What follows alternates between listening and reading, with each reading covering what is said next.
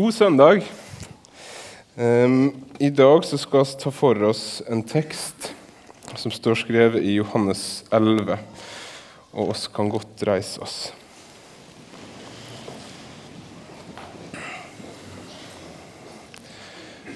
Mange av de jødene som var kommet til Maria og hadde sett det Jesus gjorde, kom til tru på han. Men noen gikk til fariseerne og fortalte hva han hadde gjort. Da kalte overprestene og fariseerne sammen rådet og sa:" Hva skal vi gjøre? Denne mannen gjør mange tegn. La oss han holde fram sånn, kommer snart alle til å tro på han. Og romerne kommer og tar både den hellige staden og folket vårt. En av dem, Kaifas, som var øversteprest det året, sa da:" Dere skjønner ingenting. Dere tenker ikke på at det er bedre for dere at ett menneske dør for folket, enn at hele folket går til grunne. Det sa han ikke av seg sjøl. Men fordi han var øversteprest det året, taler han profetisk om at Jesus skulle dø for folket. Ja, han skulle ikke bare dø for folket, han skulle også samle til ett de Guds barn som er spredd rundt omkring.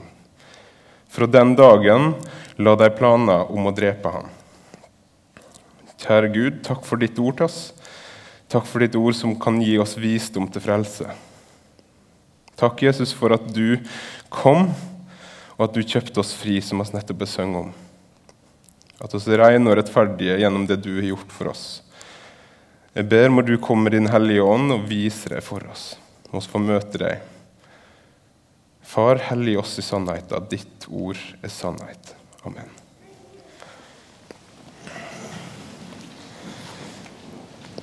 Like før den teksten her eh, i Johannes 11 så har Jesus vekt Lasarus opp fra de døde. Og mange kommer til tro på han, står det. De kommer til tro. Og I det så ligger det noe mer enn at de tror sine egne øyne. på en måte. Det ligger mer enn at de tror at Lasarus er stått opp. Det ligger mer enn at de tror at vann er blitt til vin. Det ligger mer enn at de tror at 5000 ble metta, at blinde fikk se, at lammet fikk gå. De har kommet til tro på at han er Messias, at han er Guds sønn. Når Jesus sa 'Guds rike har kommet nær', så kunne han si det fordi han var Guds sønn. Han var Herren som var kommet nær, og dermed var riket kommet nær med han. Og Det er altså mange som begynner å tro at han er den han sier at han er. At de tegnene som han gjør, faktisk peker mot at han er Messias. Tidligere i kapittelet så sier Jesus til Martha jeg er oppstandelsen og livet. Den som tror på meg, skal leve om han så dør. Og hver den som lever og tror på meg, skal i all evighet ikke dø. Tror du det? Og Martha svarte, Ja, Herre. Jeg tror du er Messias, Guds sønn, han som skal komme til verden.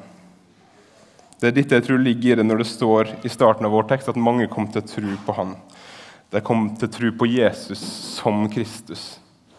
De kom til å tro på Jesus som Messias. Men så er noen av de usikre, da, og så går de til lederne sine. Til synagogeforstanderne, til de skriftlærde først. Og Det er egentlig ganske naturlig. Jeg vil tenke i, Hadde det skjedd i dag, da, at en eller annen fyr gikk og gjorde store undergjerninger ute på gata her i Oslo, og jeg hadde sett det, og så hadde jeg hørt folk snakke om at han var Guds sønn, så håper jeg nesten at jeg hadde sprunget på kontoret til Jan Erik og spurt hva er greia her egentlig? Dette her har skjedd. Hva skal jeg tenke om det? Kan det stemme at han er Guds sønn? Men disse lederne som disse går til, svarer ikke på, på det i det hele tatt. Istedenfor setter full krisealarm i gang. De samler sammen rådet, ikke småtterier, øversteprest og det hele. Men hva er det så de snakker om i rådet? Tror de på Jesus? Tar de stilling til i det hele tatt? Om Jesus snakker sant? Kan han være Messias? Hvis han er det, så må oss bøye oss for ham. Er det det de snakker om? Denne mannen gjør mange tegn. Hvis han fortsetter sånn, så kommer alle snart til å tro på ham. Og romerne kommer og tar både den hellige staden og folket vårt. De fins ikke interessert i om Jesus faktisk er Messias, om han er den som han sier at han er. Det er ikke sannhetssøken de er på. I stedet så er det krisealarm. Det at Jesus gjør mange tegn, og at folk kommer til å tro på han, det er et problem. De er redde for at maktbalansen, for at det politiske skal endre seg. For at det skjøre, men tross alt sånn helt OK forholdet de hadde til romerne, skal gå opp i røyk hvis Jesus fortsetter. Hva om han blir opprørsleder plutselig, og folk gjør opprør sammen med han? Og romerne må knuse dem. Da kommer de til å ødelegge tempelet, og de kommer til å drepe folket vårt. Jesus har gjort tegn, det har de fått med seg, men de ser på det ene og alene som et problem, som en trussel. Og Så kommer altså denne Kaifas inn med brask og bram, skulle jeg si, med, med en 'dere er idioter' eh, innledende. Dere skjønner ingenting. Dere tenker ikke på at det er bedre for dere at ett menneske dør for folket, enn at hele folket går til grunne. Og Her skjer det noe i teksten. Jeg vet ikke om dere legger merke til det når dere leser. Men her går Johannes plutselig fra å være forteller, fra å gjengi samtaler og hendelser, til å bli kommentator. Han stopper opp. Og Det er tegn til at oss også bør gjøre det. Johannes skriver dette sa han ikke av seg sjøl, men fordi han var øversteprest det året, så taler han profetisk om at Jesus skulle dø for folket. Han taler profetisk. Det er Gud som taler disse ordene. Det er Gud som taler. Det er bedre for dere at et menneske dør for folket, enn at hele folket går til grunne. For folket istedenfor folket. Det er bedre. Det er så mye bedre. Hadde Kaifas bare visst hvor mye bedre det var. Midt i Kaifas og midt i rådet sin politiske bekymring og behov for å få Jesus av veien, så sier den øverste presten noe som er helt i kjernen av Guds frelsesplan og av vår tro. Jeg har en venn som har gitt sitt liv for at jeg skal få leve. Tenk, jeg skal ikke dø fordi Jesus døde i stedet. Det er bedre at én dør for folket, enn at hele folket går til grunne. Det er bedre at én dør for folket, enn at alle dør. For så elska Gud være at han ga sin sønn, den enbårne, så hver den som tror på ham, ikke skal gå fortapt. For at hver den som tror på ham, ikke skal gå til grunne, men ha evig liv. Jesus døde i stedet for meg og i stedet for deg. Han som ikke visste av synd, har han gjort til synd for oss, så oss skal bli rettferdige for Gud i han, skriver Paulus. Han ble gjort til synd for oss. Han døde i stedet for oss. Det er bedre at én dør for folket, enn at hele folket går til grunne. Guds frelsesplan. 700 år før dette her så skriver Jesaja sannelig våre sykdommer tok han. Vår smerte bar han. Og så tenkte han er ramma, slått av Gud, plaga. Men han ble såra for våre brudd, knust for våre synder. Straffa lå på han, oss fikk fred. Ved hans sår ble oss helbreda. Og så gikk oss alle vill som sauer, hver tok sin egen vei. Men skulda vi alle hadde, den lot Herren ramme han. Fra Jesaja 53. Anbefaler å lese det kapitlet i dag når du kommer hjem. Han døde for oss i stedet for oss. I vårt sted. Det er bedre at én dør for folket, enn at folket går til grunne. Gud skriv sin historie med denne vonde øverstepresten. Når han sier det her, Kaifas, når han sier disse ordene, så er det i realiteten dødsdommen til Jesus. I det siste verset i teksten vår så, så vi det. Fra den dagen så så de etter en mulighet til å drepe ham. De la planer. Og de planene de skulle lykkes, skjønte ikke helt sånn som de hadde tenkt det. De ville så gjerne at det skulle skje utafor påskehøgtida, sånn at det ikke skulle bli så mye styr. Men det fikk de ikke til. For Jesus han er lammet. Han er påskelammet. Han er vårt påskelam. Men planene der om å drepe ham, de lykkes likevel. Og hva sier det til oss?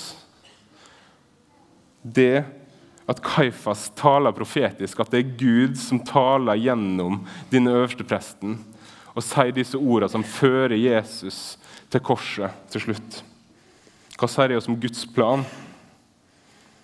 Det sier oss at han hadde sendt sin sønn til jorda med et oppdrag. at Jesus, som flere ganger i evangeliet sier det til sine disipler, vet at han er kommet for å dø. Som stedfortreder for mennesker som var helt håpløse i seg sjøl, og som ikke søkte Gud. For mennesker som spytta på han, piska han, hengte han på et tre og spotta han. Det var Gud som fikk Kaifas til å si det han sa. Det er Gud som står bak de ordene som fører Jesus til korset. Det er Guds gode vilje, det er hans frelsesplan, hans store store frelsesplan, som vi ser utfolde seg i disse versene som vi har lest. Jesus skulle dø fordi det var sånn det måtte skje. Og Det er en viktig sannhet. Hva er det egentlig som skjer på korset? Det er det veldig stor uenighet om i vår tid. Senest i forrige uke la seg at forfatteren av boka 'Skuret' som er blitt veldig populær verden over. I sin siste bok, 'Lies We Believe by God', eller 'Løgner vi tror om Gud', har med akkurat stedfortredende soner for død som en av de tingene, en av de løgnene som man mener oss tror om Gud. Hvis Gud har noe med det at Jesus ble hengt på korset å gjøre, hvis Gud er en sånn som krever blodoffer for synd, ja, da er Gud en kosmisk mishandler sier denne forfatteren. Da går han glipp av hele poenget. Da går han glipp av hele poenget. Da ser han ikke hva det er som skjer på korset. Når Jesus dør og står opp, så beseirer han det onde. Ja, det er helt sant. Han kler alle makter og myndigheter nakne, han viser seg sterkere enn døden. Men når han henger der, så skjer det noe mer enn det. Det er ikke bare en seier over Satan. Når han henger der på korset, så tar han straffa vår. Så tar han straffa for våre synder. Hans blod vasker rein hver den som kommer til han. Han smaker hele Guds rettferdige vrede. Han smaker den vreden som Gud i sin nåde holdt tilbake, så han har latt oss mennesker leve. Den rettferdige straffa som skulle og som burde ramme oss, den smaker han. Han betaler den gjelda som var så altfor stor til at oss kunne betale den. Han kjøpte oss fri. Jo, det er Gud som fører Jesus til korset. Gud har alt med at Jesus henger på korset å gjøre. Han er alt med at Jesus henger på korset her.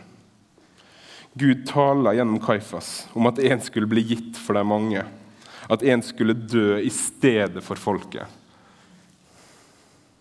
at den rettferdige, hellige, skulle dø en skurkedød og bli gjort til synd, for at skurker og syndere som oss skulle få ikle oss hans rettferdighet.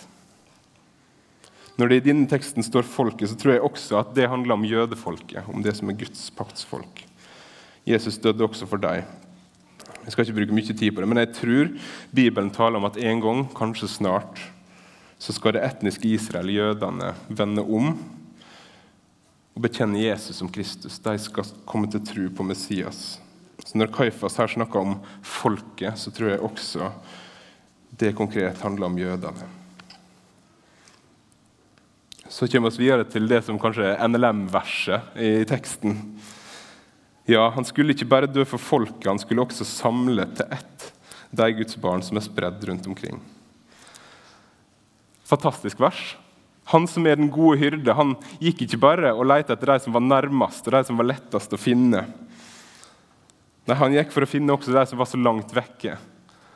For en nådig Gud å se, som førte evangeliet til Norge for 1000 år siden. Og så bor i et land som ligger fryktelig langt unna Israel, egentlig. Men her har generasjon etter generasjon fått mulighet til å bli kjent med Han som er den gode hyrde. Tenk at jeg har fått høre de gode nyhetene som kommer fra Sunnmøre, liksom. Hvor random er ikke det egentlig? Tenk at jeg er et av de Guds barn som var spredd rundt omkring, og som han ville samle til ett. Som han ville samle til seg. Tenk at du er et av de barna.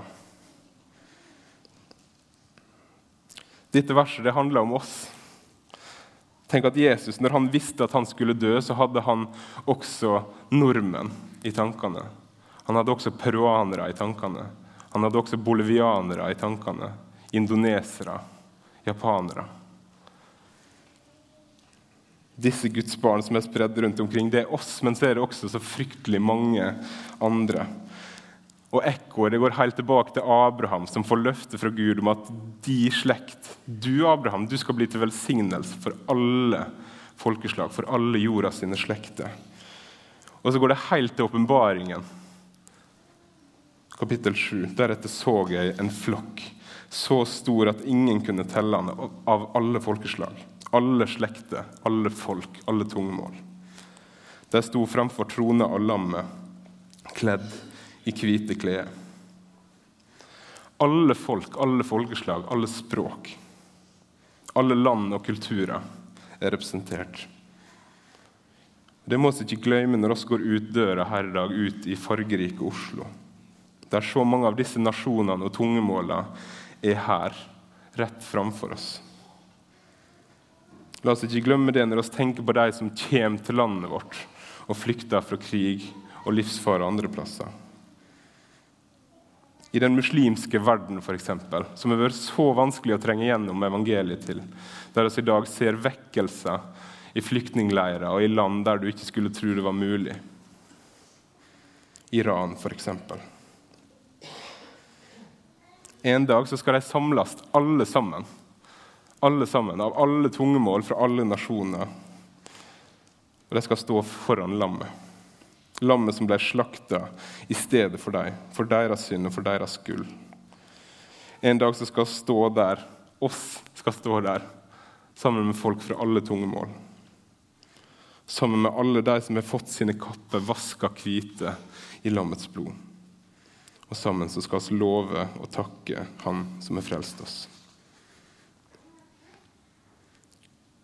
Det er tre ting jeg har lyst til å peke på til slutt med denne teksten. Jeg har vært inne på alt før, egentlig, men litt repetisjon er bare bra.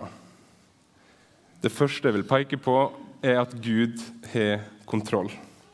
Midt i vårt rot, midt i vårt kaos, så har vi en Gud som har kontroll. Og en stor Gud. En Gud som vender det vonde til det gode. Ja, en Gud som til og med har sagt i sitt ord at alt tjener til det gode for den som elsker ham. Også i situasjonen her i teksten så tar Gud kontroll når han profeterer gjennom Kaifas. Når han signerer sin egen sønns dødsdom. Gud er kontroll. Når disiplene satt innelåst mens Jesus lå i grava, så tipper jeg det var nokså kaotiske og skremmende tanker som gjorde seg gjeldende i dem. Jeg tror ikke de følte veldig på at Gud hadde kontroll. Eller de hadde i hvert fall ikke kontroll sjøl. Men Gud hadde kontroll. Alt skjedde etter den planen som han hadde. Det er viktig å minne seg på. Jeg har, Til tross for min nokså unge alder så har jeg opp, fått oppleve noen, noen ordentlige drittstormer. Og med det så mener jeg stormer i livet med høy, stor fart og høy tetthet på dritkasta. Likevel så har jeg også fått se hvordan Gud går med. Hvordan han er med, hvordan han har kontroll. Guds finger var med hele veien til Golgata for Jesus sin del, der han leid og døde for oss. Og Uansett hva oss går gjennom, også når oss opplever lidelse, så har vi i Jesus en frelser og en øverste prest som kan lide med oss i vår svakhet. Som er prøvd i alt på samme måte som oss, men uten synd. Og så er en Paulus som opplevde mer lidelse enn de fleste, og sier jeg tror det lille oss opplever av lidelse her, ikke er noe imot den herlighet som vi skal eie. Her snakkes om en fyr som i andre Korinterbrev ramser opp hvordan han har blitt steina og piska eller skipbrudd og har vært sulten og har vært i angst. Det lille vi opplever av lidelse, er ingenting mot det vi skal eie en gang.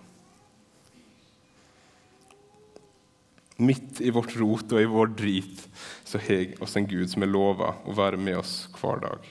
Og han er trofast mot det han er lova. Bare se på korset. Og det er det andre.